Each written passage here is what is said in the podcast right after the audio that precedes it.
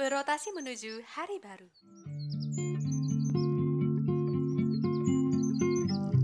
Sesaat lagi, kamu akan mendengarkan podcast Arunika. Selamat mendengarkan.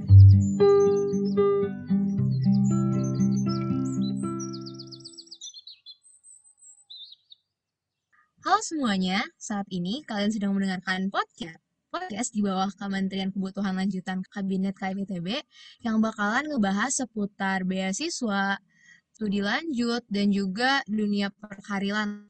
Nah, hari ini di episode 1 kita bakalan ngebahas seputar beasiswa LPDP nih, bareng salah satu uh, penerima beasiswanya. Mungkin buat uh, masa kampus yang belum tahu beasiswa LPDP ini itu apa, beasiswa ini adalah beasiswa yang dikelola oleh Kementerian Keuangan dan pendaftaran itu tiap tahunnya banyak banget nih. Sekitar 50 ribu peserta, tapi yang keterima biasanya sekitar 4 ribu sampai 5 ribu peserta. Saat ini udah kedatangan nih salah satu narasumber yang keren banget. Halo Kak Dani. Halo Stefani.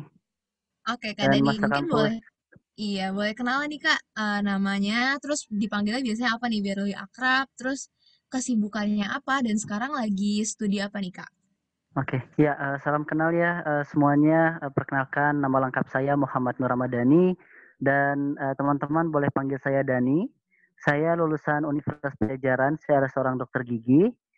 Uh, terus uh, saat ini saya sedang melanjutkan studi Master uh, of Science in International Health di uh, Charité Universitätsmedizin Berlin yaitu di Jerman um, dan menjadi award LPDP pada tahun 2019.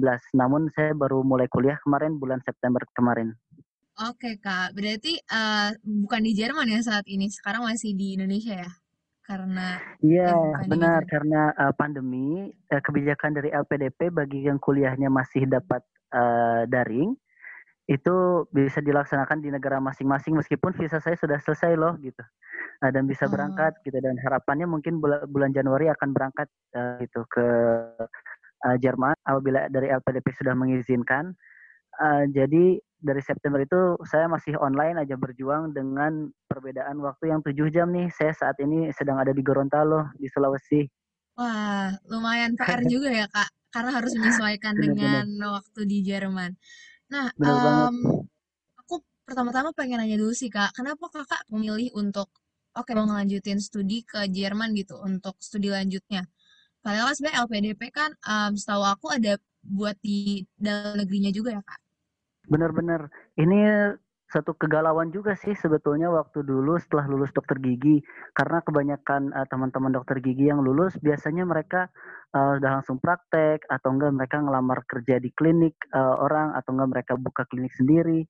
Atau enggak uh, mereka uh, ada yang ingin sekolah spesialis kebanyakan ya kalau dokter gigi begitu. Dan kebanyakan mungkin teman-teman saya juga banyak yang ITB yang saat ini menjadi award di LPDP adalah pertimbangannya saya ingin menjelajah karena dunia ini sangat luas begitu untuk uh, selain ilmu yang bisa kita pelajari uh, juga jaringan yang sangat luas di mana ini menjadi modal kita untuk berkarir ke depannya. Nah, kenapa sih saya pilih uh, negara Jerman? Uh, saya pertama memilih uh, skala prioritas itu dari program studinya dulu gitu. Saya pengen ke kesehatan masyarakat, tapi yang lebih luas ke international health. Nah, saya ini dapat international health ada di Jerman, ada mungkin di Swiss juga, di Amerika dan sebagainya. Nah, tapi dari antara uh, pertimbangan negara tersebut kan saya tidak hanya menimba ilmu saja, saya juga kan di sana gaul dengan uh, kehidupan sosial yang ada di negara tersebut. Dan karena mungkin saya waktu SD pernah sekolah di Jerman, jadi saya sudah familiar dengan kehidupan di sana sehingga saya akan lebih uh, terbayang untuk bagaimana sih adaptasi gitu di negara tersebut. Nah, tertujulah uh, pilihan saya ke Jerman di mana uh, tepat sekali ada jurusan yang uh, saya benar-benar idamkan gitu dari dulu saya pengen uh, di jurusan kesehatan internasional gitu. Oleh sebab itu saya memilih Jerman dan kota Berlin sebagai uh, induk uh, dari kampus yang sekarang saya sedang uh, apa studi gitu seperti itu. Oh gitu. Oke, emang berarti kakak juga udah pernah uh, nyobain nih belajar di Jerman ya berarti saat kecil dan udah apa sedikit terbiasa lah. Terus um, aku penasaran sih kak. Mungkin tadi kalau aku di awal kan jelasin ke masa kampus sekilas aja nih tentang LPDP. Kalau dari penerima beasiswanya sendiri nih LPDP itu sebenarnya apa sih kak? Gitu. Mungkin bisa dijelaskan?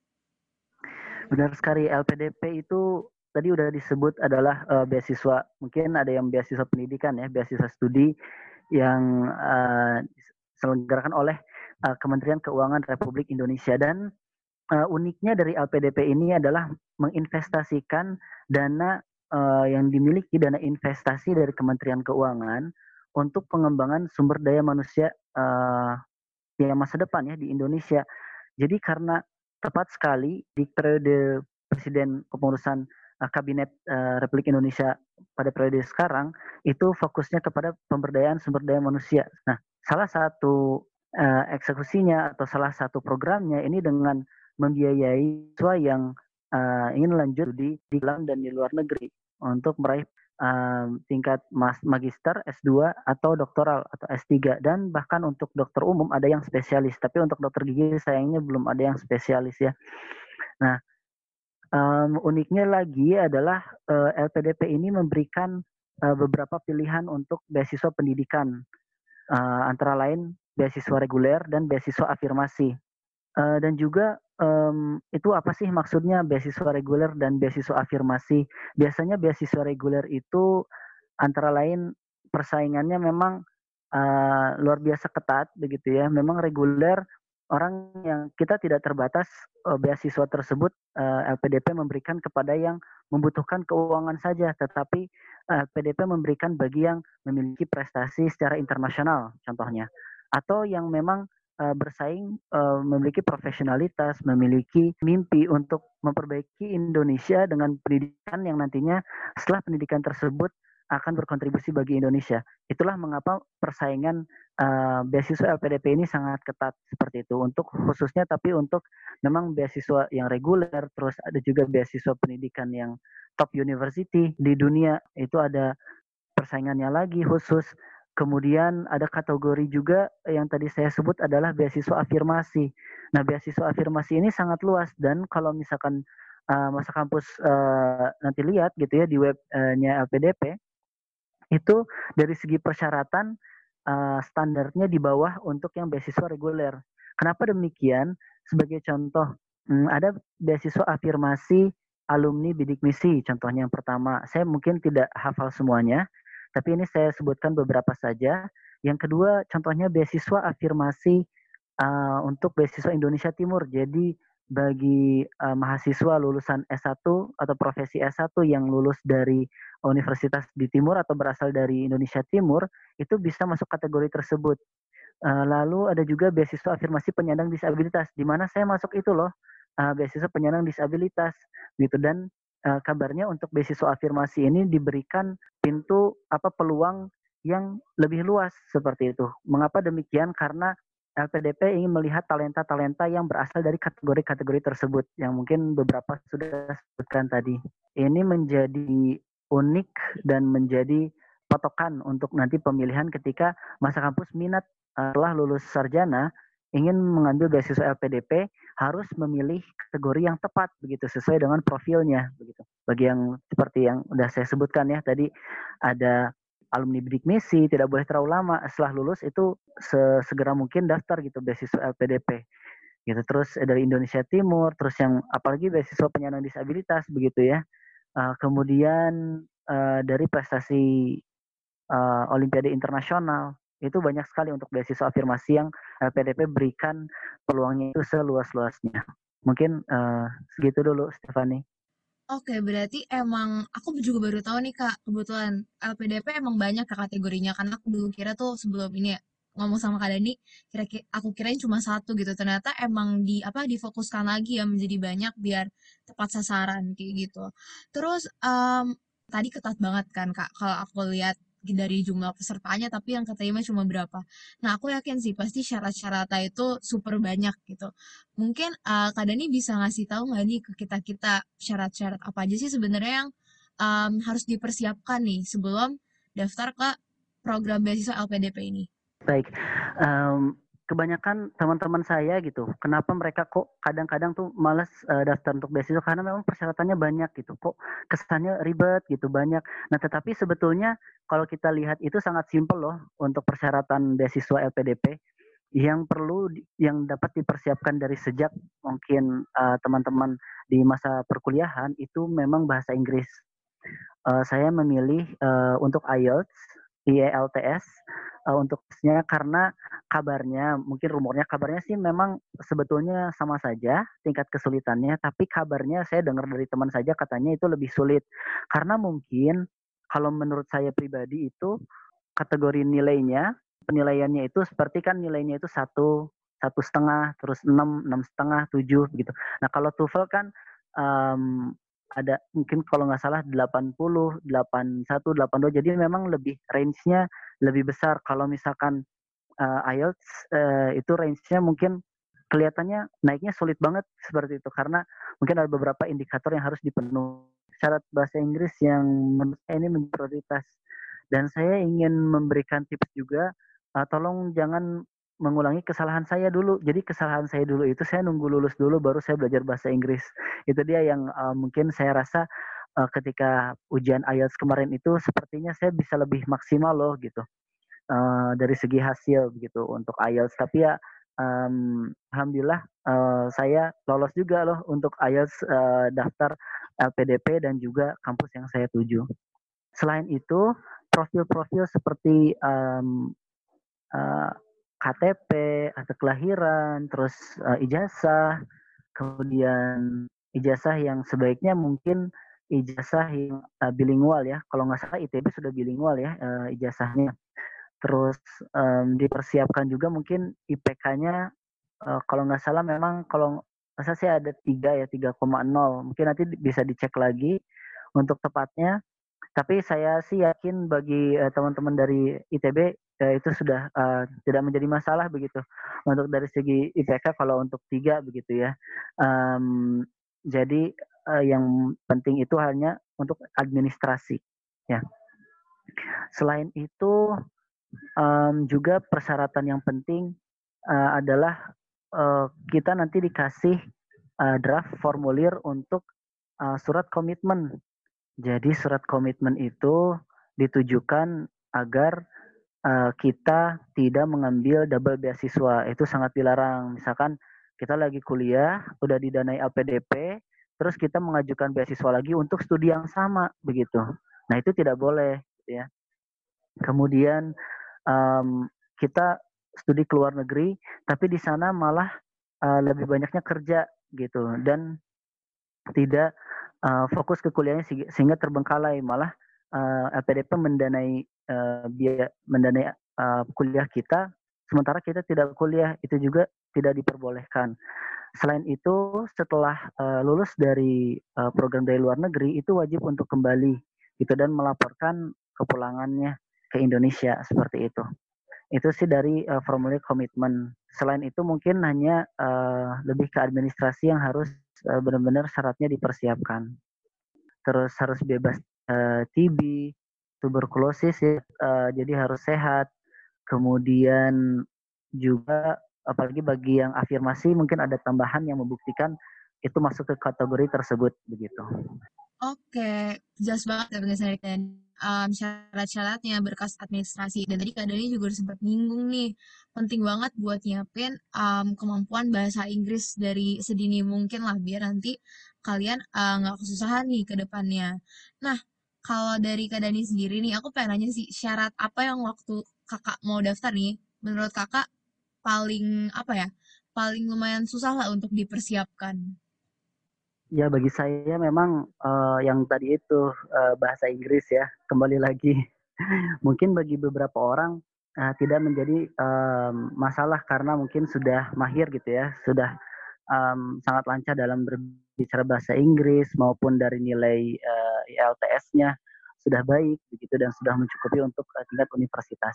Tapi uh, saya itu dulu um, kan ada dua pilihan ya antara saya daftar dulu untuk ke kampusnya, jadi saya dapat letter of acceptance dulu, jadi saya diterima dulu di universitas baru daftar LPDP, atau daftar LPDP beasiswanya dulu baru uh, ke kampusnya. Saya memilih untuk daftar kampusnya dulu karena ketika sudah uh, memiliki kampus tersebut, jadi saya tinggal cari pendanaannya dan PDP kabarnya um, sudah pasti gitu akan mendanai saya itu ke mana.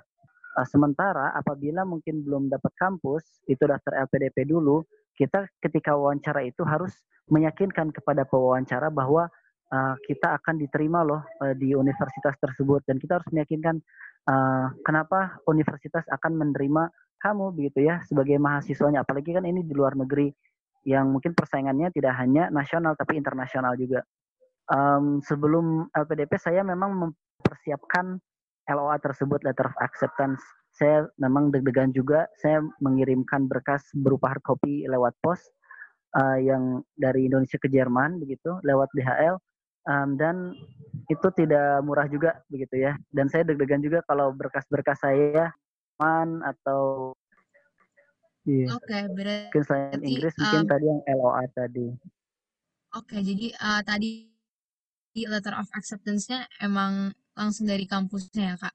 Terus um, ini nih, Kak, aku pengen nanya lagi sih tahap-tahapnya apa aja sih sebenarnya Kak? Tadi kan kalau Kak Dani jelasin aku nangkepnya seleksi berkas gitu kan. Terus ujian juga di kampusnya.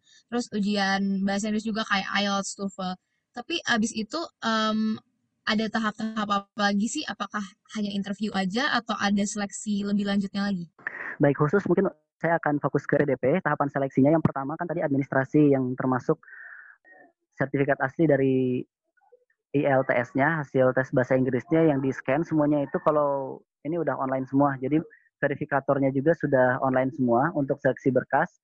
Jadi yang pertama seleksi administrasi, itu uh, dikirimkan kalau nggak salah waktu itu saya pada akhir Mei tanggal saya masih ingat tanggal 29 Mei 2019 saya mengumpulkan uh, apa berkas-berkas saya melalui scan lalu setelah dua minggu kalau nggak salah atau beberapa minggu itu diumumkan uh, bahwa saya lolos seleksi administrasi dan tes potensi akademik gitu dan tes kepribadian dan juga ada essay on the spot waktu itu jadi untuk tes potensi akademik uh, tipsnya adalah belajar dari um, soal-soal yang dikeluarkan oleh BKN, Badan Kepegawaian Negara. Saya uh, beli buku yang tebal itu, mungkin hampir sama untuk seperti CPNS ya, untuk tes uh, potensi akademik. Hmm, ada yang numerik, ada yang uh, verbal, terus tes potensi akademik, ada tes kepribadian. Dan nanti dari psikolog-psikolog LPDP yang akan menilai begitu. Terus yang terakhir ada essay yang tujuannya luar negeri, itu esainya dalam bahasa Inggris. Nah, dalam bahasa Inggris tentang isu apa sih? Nah, isunya mungkin biasanya up to date, isu sesuai atau linear dengan uh, bidang yang kita akan ambil. Sebetulnya saya mau ngasih tips lagi nih untuk kalau misalkan yang essay on the spot. Yang pertama ketika menelah uh, topik, ketika sudah memang dibuka gitu tentang apa. Pertama mungkin pertama ulas dulu tentang topiknya, apa yang kamu ketahui tentang topik, apa permasalahannya. Kemudian setelah tahu permasalahannya, uh, akan di uh, perlu dibahas tentang apa sih dasar permasalahan yang eh, ingin dibuatkan solusi. Jadi setelah masalahnya diurai sedikit, uh, apa penyebab dari masalah tersebut diurai sedikit untuk menjadi pengantar uh, mem kita memberikan rekomendasi atau solusi. Nah solusi itu jangan satu, solusi itu satu sampai tiga lah, dua sampai tiga mohon maaf. 2 sampai 3. Nah, dari tiga itu pilih salah satu yang menjadi nanti kesimpulan mana yang terbaik. Itu kalau dari saya seperti itu. Ini tips saya mungkin kalau nggak salah belum pernah saya sampaikan sih, baru pertama kali nih di podcast KMITB. mungkin okay. seperti itu dan uh, setelahnya setelah tahap kedua tadi tes itu uh, diumumkan juga sih langsung uh, setelahnya tapi yang hanya TPA saja nilai TPA dan alhamdulillah waktu itu saya peringkat dua untuk yang beasiswa afirmasi di antara yang di Bandung itu Lalu kalau kata PKN, udah ini udah pasti lolos sih. Ya sudah, saya berdoa aja saya nih karena kan udah diterima uh, di kampus dan dari kampus juga menunggu kepastian tentang fundingnya dari mana begitu. Nah setelah uh, tes itu dan diumumkan saya lolos, itu masuk tes wawancara. Nah tes wawancara ini uh, saya dites oleh mungkin ada dua bagian. Yang bagian pertama itu tes oleh ya akademisi, ada psikolog, yang menanyakan tentang lebih banyak sih tentang uh, esai yang kita buat ketika administrasi. Oh ya mohon maaf mungkin tadi saya terlupa ya bahwa ada esai ketika uh, administrasi yang harus kita uh, tulis. Mereka akan kupas begitu tentang rencana studi kita gitu agar meyakinkan sih sebetulnya dana yang LPDP berikan itu sebetulnya um, bernilai investasi tidak sih untuk pembangunan Indonesia? Nah, itu yang harus kita yakinkan. Dan apakah kepribadian kita saat wawancara itu memiliki uh, ya kesantunan atau memang tepat gitu ya? Seperti itu tahapan kapnya ya, Stefani. Oke, udah jelas banget dari Kak Dani uh, mengenai syarat-syaratnya apa aja. Dan abis ini jangan ke mana-mana karena masih ada sesi dua nih yang bakal ngebahas tentang perjuangan Kak Dani untuk melakukan proses pendaftaran sampai interview sampai akhirnya bisa keterima jadi ORD LPDP. Nah, uh, jangan ke mana-mana, tetap saksikan terus podcast Carry Your Career. Bye-bye!